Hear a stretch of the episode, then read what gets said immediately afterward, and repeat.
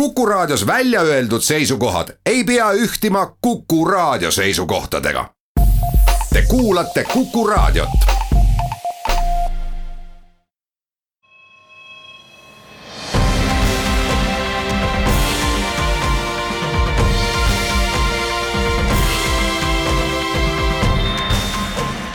Buum. saadet toetavad Swedbank ja EBS, nähes ja luues võimalusi. Tere päevast, on kolmas oktoober, kell on saanud loetud minutid üksteist läbi, oleme taas eetris Buumi saatega, saatejuhid nagu ikka Anto Liivat ja Ott Pärna. tänase uudisteploki avame aruteluga selle üle, milline on kliimamuutuste mõju põllumajandusele ja laiemalt geopoliitikale. Seejärel arutleme selle üle, mida arvata linna põllumajandusest. teada on, et startup maailmas on tegemist popi valdkonnaga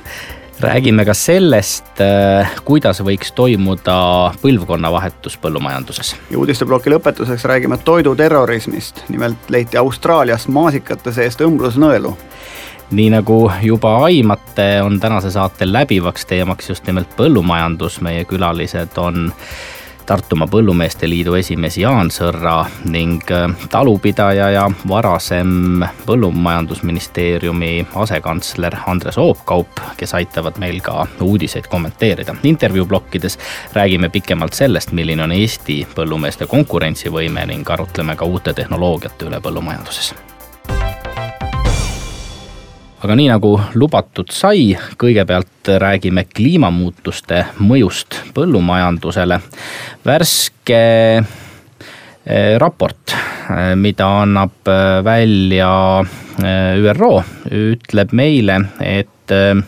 näljahäda maailmas on jälle tõusuteel ja nüüd juba kolmandat aastat järgemööda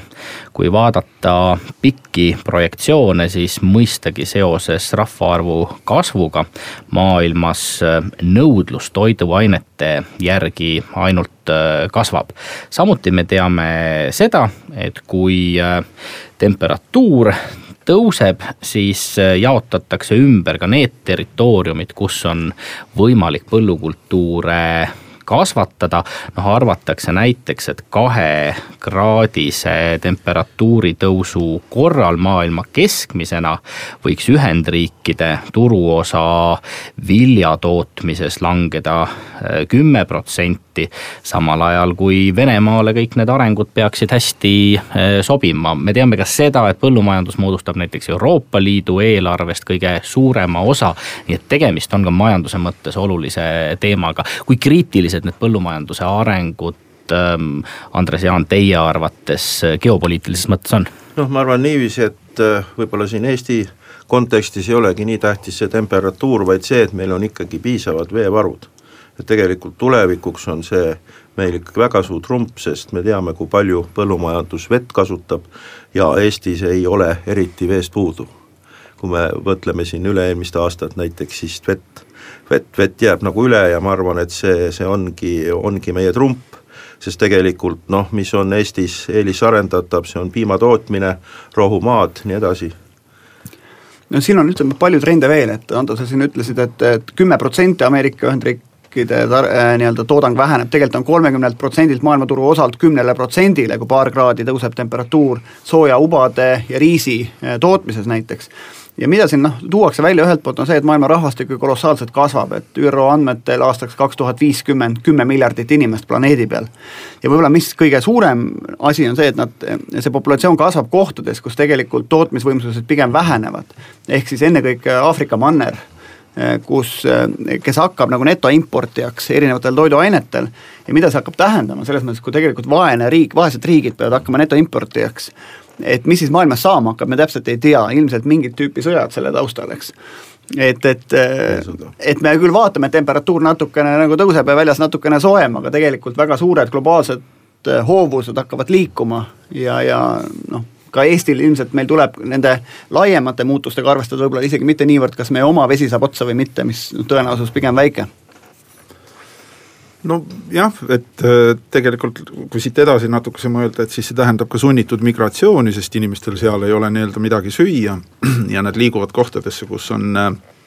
on võimalik nii-öelda paremini ja kergemalt süüa saada. kuigi mind nagu kogu selle teema juures natukese paneb mõtlema see, et ega siis toitu iseenesest ju on, aga eh, hetkel ei ole ju maksevõimelisi kliente. ehk ei ole sellel samal Aafrikal seda, seda ostujõudu, eh, mida ta võiks siis tegelikult mille abil ta võiks siis enna, enda rahvast toita. Ja noh, muidugi Aafrikas ise peab tunnistama ju ka seda, et on, on olemas ka ikkagi väga viljakandvaid äh, piirkondi ja, ja tegelikult see on nüüd eraldi nii-öelda teema, kuidas kuidas noh, nii-öelda Aafrika riikide juhid on teinud omakorda nii-öelda äh, Äh, lollusi, noh räägime siin Robert Mugabest või, või kellegist sellisest, Zimbabwe oli ju enne äh, põllumajandussaaduse eksportiv riik, nii et tegelikult igal mündil on kaks poolt. no Lõuna-Aafrika kliima on umbes nagu meil tegelikult. nii et noh, põhimõtteliselt on kindlasti võimalik Aafrikas üsna palju toota, aga, aga muidugi kas siis üheksa või kümme miljardit inimest maailmas, äh, see on, on üks pool asjast, teine pool on see, et need riigid, kes täna on nii-öelda madalama sissetulekuga äh, Äh, riigid, äh, siis nemad tegelikult äh, oma tarbimisharjumusi tegelikult selle sissetuleku kasvuga muudavad. ja Hiina on kõige suurem näide seal, kes tegelikult on täna riisisööjast rohkem arenenud lihasööjaks et ma võikski tuua siin, me olime Tartumaa põllumeestega, olime siin hiljuti Hiinas ja tõesti, ühesõnaga me peame Hiinat väga tähele panema, kui me räägime, et meil oleks võimalik siit piimatooteid Hiinasse eksportida, siis ma arvan, et seda, seda võimalust meil varsti enam ei ole, me nägime Hiinas selliseid farme, kus oli viis tuhat lehma ja kus oli väljalüps üle kümne tuhande, et Hiina areneb põllumajandus kohutavate sammudega. Me teame, et üle poole maailma elanikest elab täna linnades, startup raha on hakanud äh, järjest rohkem äh, voolama ka niinimetatud linna põllumajandusettevõtetesse ja ideedesse, äh, näiteks SoftBank või äh, Jeff Bezos, Amazoni looja, on investeerinud arvestatavaid rahasummasid, räägitakse ennekõike küll vertikaalpõllundusest ja, ja sellest, kuidas tuuakse tarbijale linnakeskkonnas toidu kasvatamine lähemale. kui tõsiseltvõetavaks teie peate selliseid uue majanduse, linnapõllumajandusettevõtteid? Noh, ma ei tea, ühesõnaga see kindlasti inimesi ära ei toida, kui kasvatatakse seal maitsetaime või, või tomateid, noh ma ei kujuta ette, et millises mahus on siis võimalik kasvatada, ega seal ju linnaaias teravilja ja riisi ei kasvata, et sa kasvatad ikka ju seal ainult mingeid maitsetaime, juurvilju, nii edasi, aga noh, väga, väga tore on, et seda tehakse ja, ja kui seda peredes tehakse, siis näevad ka lapsed, et kuidas kuidas tegelikult need põlluviljad kasvavad? Nad väidavad küll seda, et nad saavad seda tehtud siis nagu sada korda efektiivsemalt siis äh, mingites siseruumides neid asju kasvatada, aga tõsi on see, et nad peavad seda elektrienergiaga seda värki kütma, nad peavad tekitama sinna tehisvalgust, et, et õige küsimus, et, et, et need mahuärid, me teame et, et kuuskümmend kuus protsenti maailma toidust on tegelikult ju riis, nisu ja soojaoad, eks et seda mahtu ilmselt siseruumides vaevalt kasvatama hakatakse. nojah, aga teistpidi, eks ole, meil siin Eestis äh, maapuudust ka sisuliselt ei ole, aga, aga noh, paljudes äh, suurlinnades on maa väärtus ja seal, kui on võimalik midagi kasvatada ülevalt alla või alt üles, on see kindlasti oluline võit. no siin võib veel mõtelda seda, et, et äh, maailma toiduainetööstuses logistika on üks suur väljakutse, üks asi on jah, toortoiduaine logistikaga, teine asi on see, et kolmandik poodides müügis olevast asjast läheb kaotsi et see kolmandikku teda paremini majandada võiks toita siis nii-öelda kolmandiku inimkonnast, eks. see on toidu raiskamise see on toidu raiskamise teema, aga omakorda startup idele võimalus seda logi-, logistikat optimeerida, eks mm. -hmm noh, muidugi see linnas, noh, me, me saame kõik võib-olla sellest asjast väga hästi aru siis, kui me räägime natukese ka loomapidamisest, et seda ju linnadesse väga kolida ei ole võimalik, et, et see minu arust näitab kohe noh, nii-öelda punast sellele nii-öelda ideele, et loomulikult see, mina nimetan seda mitte pahatahtlikult, aga heatahtlikult idukaubanduseks, sest see on tegelikult noh, nii-öelda idandatud noorvõrsete söömise koht. See nii-öelda linna, linna, linna põllumajandus, aga Äh, sealt mingisugust, see on sama, samalaadne asi nagu linnadesse majade katustele parke rajada selleks, et rohkem hapnikku toota ja nii edasi, see kõik on minu arust niisugune tühi kõlks aga mine sa tea, et noh, sa rääkisid küll, et, et loomi ei saa kasvatada, aga kui nagu need trendid on, et kui me kunagi putukate peale üle läheme, mis saab meie põhitoiduks, siis võib-olla ongi sul kodus akvaarium no, kus on, sa putukaid kasvatad. meil on meriväljal täiesti kanad olemas ja kes on Indias vähegi ringi käinud, siis ütleme, linna ümbruses on küll lehmad nagu tänavatel, ei ole mingit probleemi. ega nad ei söö aga neid nad ei ole söögiks, jah. surevad loomulikku surma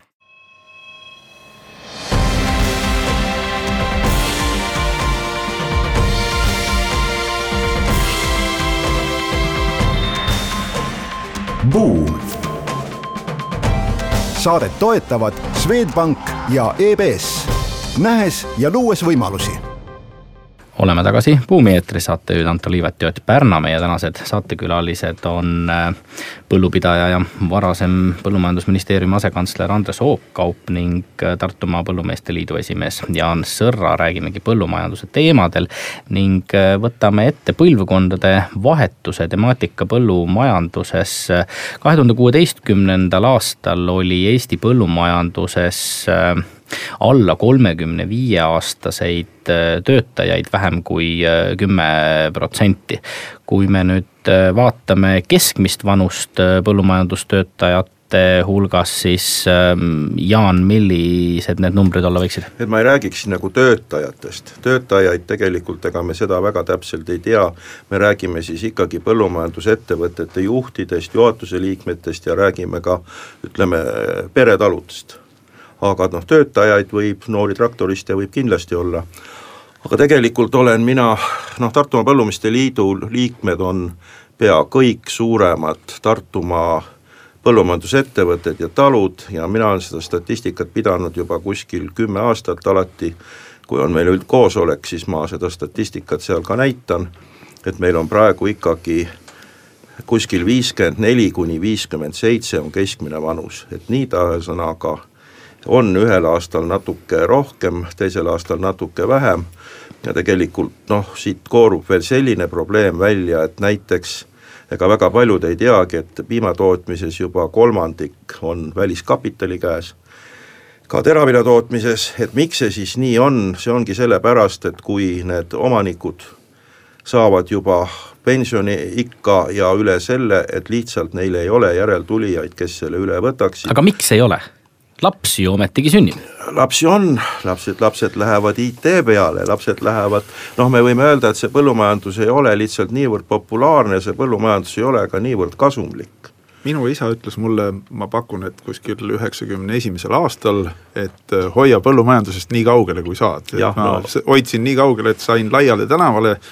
olin seitseteist aastat seal ja pärast kukkusin ikka tagasi. nii et no, noh, selles minul on ühesõnaga õudselt vedanud, sellepärast et et kuskil ka seitse aastat tagasi andsin, noh, meil on ka pisikene talukene, seitsesada hektarit, andsin pojale üle ja poeg praegu seal tegutseb, tegutseb väga hästi, aga, aga võib-olla ka hakkab lõpetama, sest noh, ikaldusest me saame pärast rääkida. Aga ikkagi, mis need väljakutsed siis on, miks ei taheta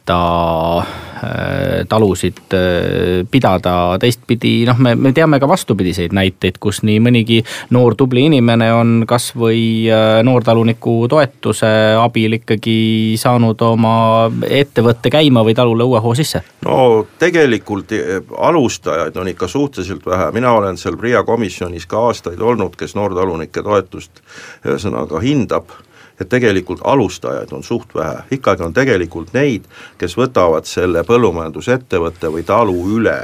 oma võib üle võtta emalt, isalt, vanaisalt, vanaemalt, nii edasi. aga kui me mõtleme nüüd seda, et sa tahaksid näiteks alustada teraviljakasvatusega või sa tahaks alustada piimakarja pidamisega, noh siis sul peab olema üks rikas väljamaa onu, kes sul on vähemalt pool miljonit pärandanud, et ühesõnaga algkapitali saada. sest see toetus on ainult nelikümmend tuhat ja sellega saab alustada väga väikest äri no mina olen tegelikult kuivõrd välja õpetatud põllumees noorest peast, talu pidanud natukene siin vanaonu kõrvalt ja nii edasi ja, ja sõitnud ka ilma GPS-ita traktoriga, suudan otse künda. aga öelge nüüd seda, et, et kui nüüd noormees hakkab täna põllumajandusega tegelema, mis asi see tegelikult on, et kas see tähendab nagu tuhandepealist piimakarja, tähendab ta, nagu sa ütled, seitsmesaja hektarist nagu viljapõldu, et või on ta tegelikult mingi siidritalu, mingisugused koduõllemeistrid, on ju, mis on iseenesest täna palju popim, mis on täna palju popim võib-olla kui mingis linnas klaasmajas siin nagu harvu tiirt lükata. see ei lähe põllumajanduse alla, selleks sa toetust ei saa, et sa hakkad siidrit või õlut eh, tootma, aga noh, tegelikult on küll, eks sa hakkad näiteks küüslauku kasvatama, noh kujutan ette, kanakasvatus, küülikukasvatus, lambakasvatus, et, et noh, nendega loomulikult võib, võib hakata aga, aga mida teha üldse, kui on selline, ütleme alla sadat hektarit talu, et, et me ei räägi tuhande hektarilisest, et no teravilja sa võid ju seal kasvatada, aga kui me, kui me teame jah, et, et see, mis meil kombainid maksavad juba ühesõnaga pool miljonit, siis sul ei ole võimu, tähendab, sa, sul ei ole mõtet oma tehnikat ühesõnaga eh, soetada, sa selle sada hektarit koristad ühe-pooleteist päevaga ära ja see ülejäänud päevad, see tehnika sul seisab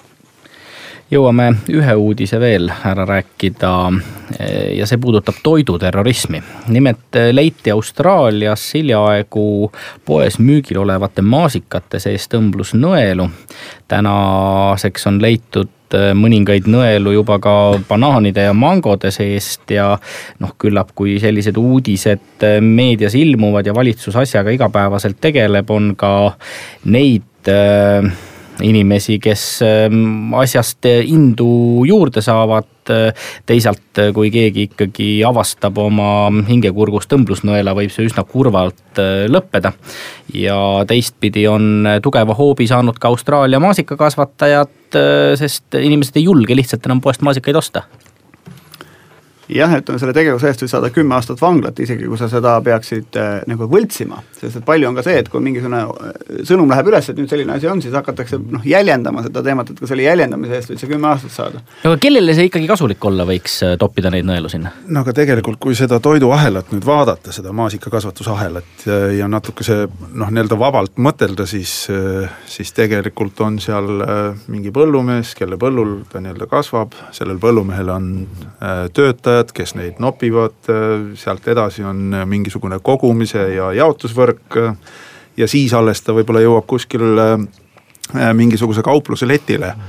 ehk tegelikult mina arvan, et see ikkagi on pigem niisugune äh, niisugune liikumine, kus põllumees ise vaevalt, et neid, äh, seda toiduterrorismiga tegeleb, sest see on tema nii-öelda business, aga ma usun, et see on seesama asiotaaž, kus nagu räägitakse sellest, et et äh, makske Austraalia maasikakorjajatele rohkem palka ja nii edasi, aga vot see on nüüd see koht, kus me eelmise jutuga võib-olla oleks võinud natukese edasi minna, et. et põllumajandus ei ole ju ainult see äh, noh, teadmine kahe kõrva vahel ja, ja, ja see nii-öelda ütleme siis tinglikult Belarus, vaid tegelikult on tegu väga kapitalimahuka äh, business'iga. ja väga paljud töötajad võivad tunda ennast selles põllumajandussektoris, et nemad on alamakstud Äh, sealjuures nad ei anna endale aru, missugused kulutused tegelikult põllumajandustootmise käigus hoidmiseks on ja sealt tekivad niisugused käärid, kus tahetakse nii-öelda kätte maksta sellele põllumehele. Äh, sokutades siis selle toote sisse erinevaid äh, noh, niisuguseid võõrkehasid. ja, ja sealt omakorda siis üritatakse nagu sellele põllumehele tõenäoliselt kahju tekitada, mis tema business'it võiks nagu ahistada, nii et ma arvan, et see on mingi selline suhete pundar pigem, mis, äh, mis iseenesest on tingitud sellest, et ei saada aru, kuidas see majandus või see majandusharu tervikuna toimib.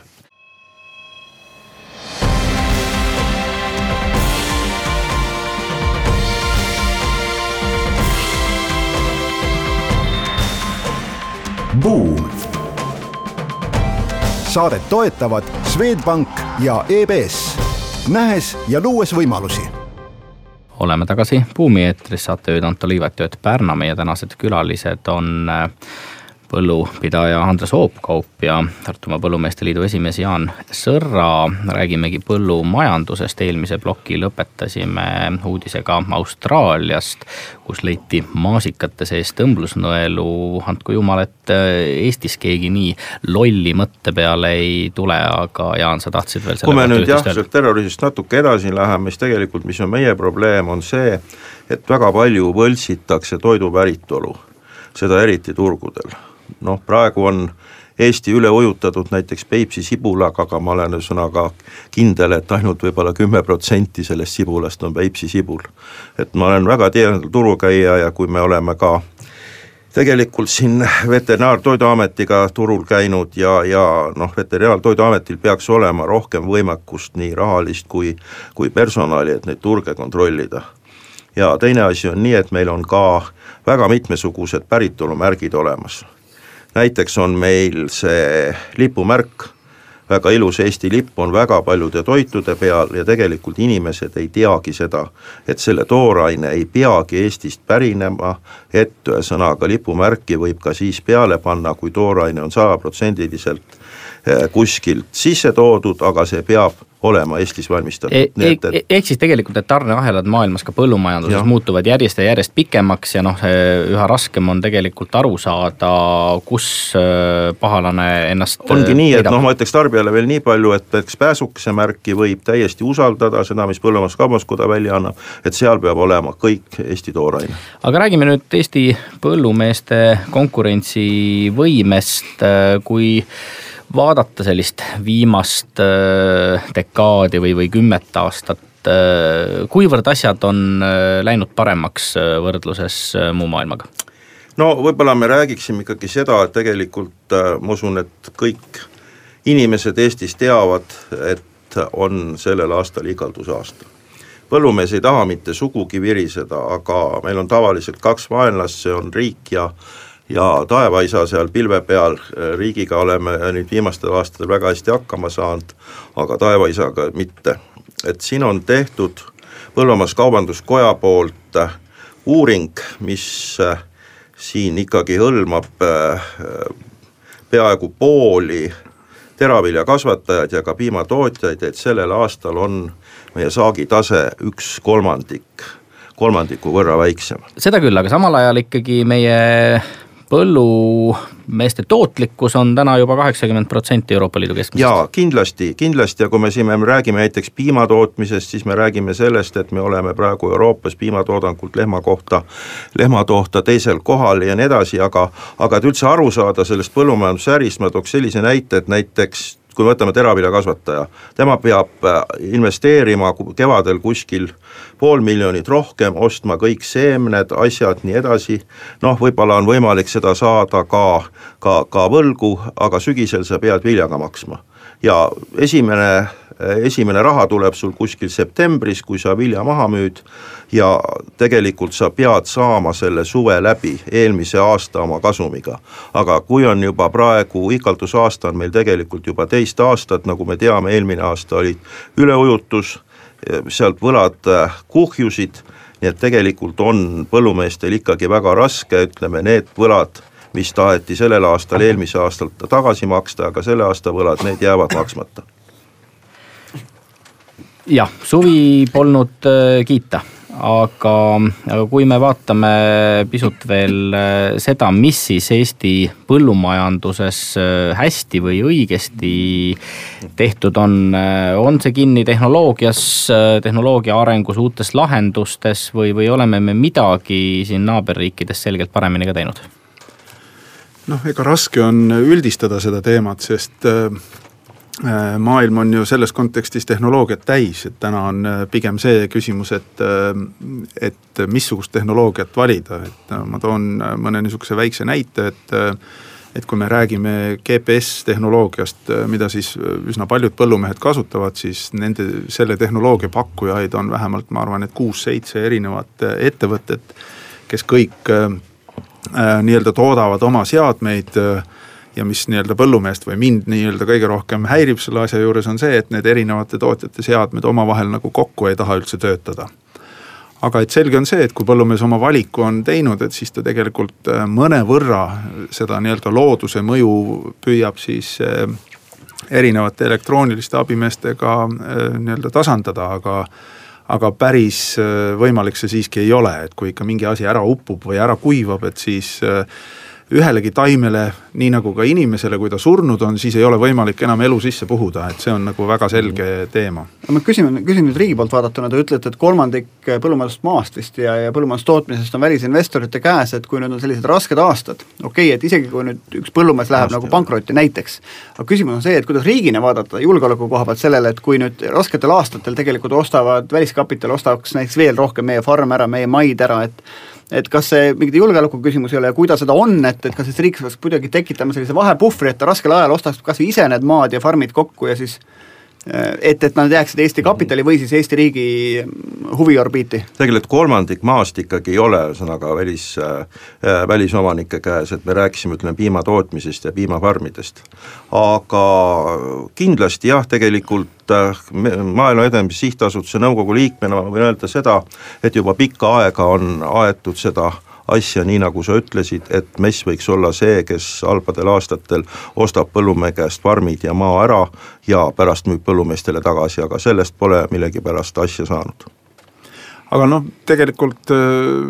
ju no nii-öelda asja teema lõpuks taandub sellele, et kas see põllumajandus äh, siis nii-öelda suudab iga-aastaselt äh, toota seda vajalikku kasumit sest majandus saab ikkagi toimida selle arvelt, et sa oled kogu aeg plussis, et kui sa pidevalt oled miinuses, siis tegelikkuses ei aita ju mitte midagi see fond, et riik ostab ära ja pärast müüb kellelegi, et riik kindlasti ei taha,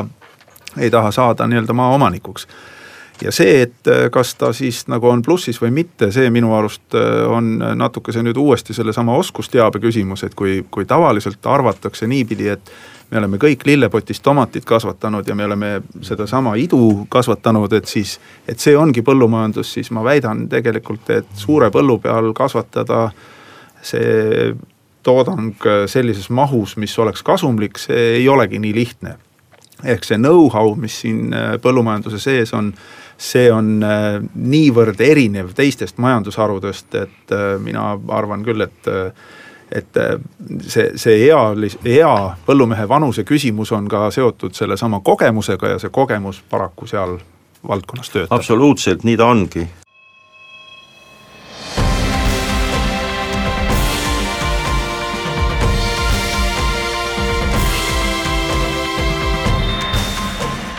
Buum. saadet toetavad Swedbank ja EBS, nähes ja luues võimalusi oleme tagasi Buumi eetris, saatejuhid Anto Liivet ja Ott Pärna, meie tänased saatekülalised on äh, Andres Oopkaup ning Jaan Sõrra. ja räägime nüüd siin viimases äh, saateplokis äh, tehnoloogiatrendidest põllumajanduses. arvatakse, et maailmas võiks aastaks kaks tuhat kolmkümmend tootlikkus põllumajanduses kasvada kuuskümmend protsenti ja suured mõtlejad räägivad meile sellestki, et eelkõige põllumajanduse tulevik, nagu ka teiste majandusvaldkondade tulevik, sõltub äh, suuresti digipöördest. lugesin siin suvel ühte artiklit äh, põlvkondade vahetusest põllumajanduses ja ka seal kuidagi jäi kõlama noorte suust mõte, et nad saavad oma vanematest paremini igasuguste tehnoloogiliste väljakutsetega hakkama. ning kuivõrd tehnoloogia komponent ka põllumajanduses muutub iga päevaga olulisemaks, ongi igati mõistetav, et noored võtavad vanadelt äriajamise üle. jah, kindlasti see nii on, aga me peame jälle arvestama sellega, mis see tehnoloogia maksab, et suuremad põllumajandusettevõtted, noh võime öelda ka seda, et suured põllumajandusettevõtted toodavad meil kaheksakümmend protsenti Eesti toidutoormest, nemad suudavad seda rakendada, aga ütleme, väike peretalu, kellel on kümme, kakskümmend hektarit maa, ma väga kahtlen ühesõnaga, kas kas nendel selleks raha jätkub. Ja noh, kui me ikkagi Eestist praegu räägime, siis võime ainult ühe näite tuua, noh Eesti on kindlasti juba Soomest, Saksamaa idaosast kõvasti mööda läinud, meil on juba kakssada viiskümmend lüpsirobotit, mida näiteks isegi Saksamaal nii palju ei ole, et ma võin tuua näite, me käime sakslastega väga tihedalt läbi, kui Eesti iseseisvus, me käisime piimatootmist nende juurest õppima, nüüd nad ütlevad, ega et kui te meie juurde tulete, siis te tulete nagu muuseumisse. Andres, millised veel sellised kuumad trendid või tehnoloogilised lahendused põllumajanduses on? no mina ütlen, et elektroonika tõenäoliselt siiski mõjutab väga palju põllumajandust ja kui ma enda nii-öelda tegevuse peale vaatan, et siis me oleme ikkagi aastaid investeerinud sellesse nii-öelda täpsusesse ja ja doseerimisse, mis on kõik elektrooniliste abimeeste nii-öelda teema. Ma toon ühe näite, et hästi nagu tihti võidakse arvata, et noh, mis see siis ikka on, et Ott ka ütleb siin, et ta oskab otse künda, põhimõtteliselt see on nii-öelda tore aga kui ma näiteks võtan nüüd nii-öelda pritsi, siis pritsi liikumiskiirus põllu peal on ütleme viisteist kuni kakskümmend kilomeetrit tunnis. Äh, see tegelikult tähendab siis umbes äh, suurusjärgus viis kuni seitse meetrit sekundis. kui selle pritsi laius on kolmkümmend meetrit näiteks nagu minul on, siis kui traktorist ühe, ühe sekundi eksib, siis ma pritsin kas siis üle või jääb puudu vähemalt sada viiskümmend kuni kakssada ruutmeetrit põllupinda. mis tegelikult tähendabki seda, et kui sa selles business'is oled, et siis sa pead suutma selle tehnoloogia viia inimesest võimalikult palju sõltumatuks ja kui see GPS nii-öelda lülitab asja sisse või välja, siis sa tegelikult äh, saavutad kohe üsna kiiresti kokkuhoiu uuringud yeah. ütlevad, et äh, droonidega võrreldes selle traktoripritsiga, mida sina vist kasutad, saab veel viis korda tõhusamalt pritsida no drooni, esialgu on drooni niisugune mõte minu hinnangul äh, see, et drooniga kasu, drooni kasutatakse eelkõige nii-öelda vaatlusteks täna. Ja kuna nüüd teine tehnoloogia noh, niisugune suund on see, et kuidas seda värvipikslit tõlgendada, mida see droon siis põllu peal filmib et siis tegelikult selle järgi nii-öelda kasutada erinevaid väetisi ja kemikaale. et see on üks niisugune valdkond, see, et droon hakkab tassima väetist põllu peale, see on ebaloogiline, sest äh, me kasutame siiski niisugesi suuri koguseid, ütleme noh kogus, äh, et see väetise toimeaine on umbes kolmkümmend protsenti sellest kaalust äh, ja kui sa paned sada viiskümmend kilo hektarile, siis Amazon ei ole küll suutnud oma drooni väga palju üle viie kilo raskust kaupa panna vedama, et äh, selles olukorras äh, mõtelda, et mingi droon nii-öelda midagi teeb, on üsna ebaloogiline. ja no pritsida ei saagi drooniga, ütleme siis tegelikult terves Euroopa Liidus on keelatud lennumasinate, lennumasinate kasutamine aga, aga ma toon noh, natukese ikkagi ma tahaks minna sinna peale, sest ma usun, et tuleviku äh, põllumajandus on automatiseeritud põlluharimisriistad, et ma, ma tõsiselt usun sellesse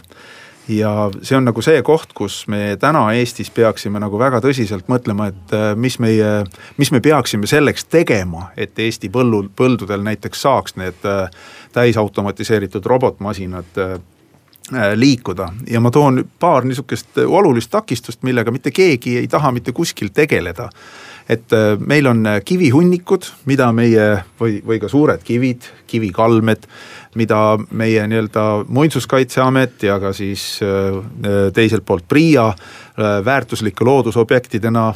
kaitsevad, et põllumehed ei tohi neid põllu pealt ära viia. rääkimata siis tegelikult äh, elektripostidest ja liinidest, mis üle põldude käivad, mis kõik on potentsiaalsed mm -hmm. nii-öelda probleemobjektid selle põllumajanduse automatiseerimisel põllu peal jah, no ilmselt on ka nagu odavamaid viise seda põllumajandust, IT-d kas seda kasutada, Vital Fields oli, müüdi siin Monsantole mingi aeg tagasi ja, ja on selliseid tarkvaralisi lahendusi, samamoodi sensorite temaatika, on ju. aga mehed, meil saade hakkab otsa saama, et, mis te arvate, et kes siis Eestis põllumehe eest seisab, et ma siin loen, et Vabaerakonna juhiks sai endine Talupidajate Keskliidu peadirektor, et, et kas Vabaerakonnast saab endine, saab Rahvaliit ja Rahvaliidust sai EKRE ja mis saama hakkab? ma hästi seda ei usu ja noh, kui me räägime sellest eh, tegelikult ETKL ehk Talupidajate Keskliit, siis nende liikmed on ikkagi rohkem peretalud. eks Nurm on peretalude eest seisnud, aga ta ei ole seisnud kunagi nende põllumajandusettevõtete eest, kes toodavad ikkagi kaheksakümmend protsenti Eesti toidust. aga ma tahaks siia, kui veel on aega, lisada ka seda, et hinnad võivad, toiduainete hinnad tänu sellele kriisiaastale võivad meil tõusta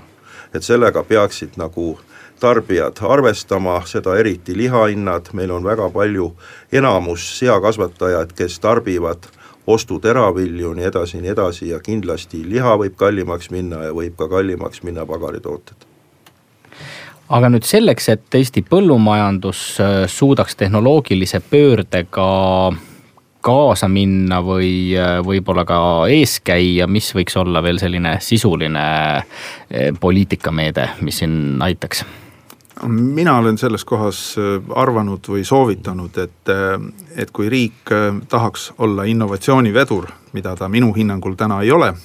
et vastu OECD uuringut arvan ma, et riik ei ole innovatsioonivedur. et siis reaalsus oleks see, et, et ma saan aru, et iga põllumees on sunnitud endale selle tehnika või tehnoloogia soetama, millega ta põldu harib. ja väga paljudel juhtudel seesama nii-öelda tehnoloogiline pool, seesama innovatsioon nende masinate peal maksab tohutult palju et äh, Jaan siin natukese nimetas juba, aga ütleme siis niipidi, et kui, kui, kui traktor maksab sada tuhat, siis nii-öelda näiteks GPS roolimine selle traktori peale on vähemalt kakskümmend tuhat eurot. Et see on väikese pereauto hind. ja lihtsalt osta neid nii-öelda pimesi mänguasjadeks, see ei ole kindlasti teema. et need on äh, eluliselt vajalikud äh, elemendid äh, tuleviku põllumajanduses ja kui riik tahaks, siis neid instrumente on võimalik väga erineva tehnoloogia peale paigutada, mis tegelikult tähendab, et seesama maaelu arengukava toetus peaks olema suunatud sellise innovatiivse põllumajanduse toetamiseks. aitäh Jaan Sõrra ja Andres Oopkaup Buumi saatesse külalisteks tulemast. meie saateaeg hakkab tänaseks ümber saama, oleme Buumiga eetris juba täpselt nädala pärast. siis on meil au ja võimalus võõrustada mõnda Eesti parimate ettevõtete konkursil pärjatud ettevõtjat ja räägime natukene ka laiemalt Eesti ettevõtete konkurentsivõimest ning edulugudest. seniks aga kuulmiseni.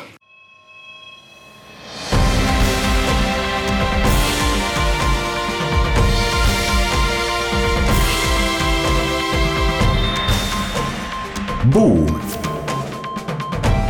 saadet toetavad Swedbank ja EBS nähes ja luues võimalusi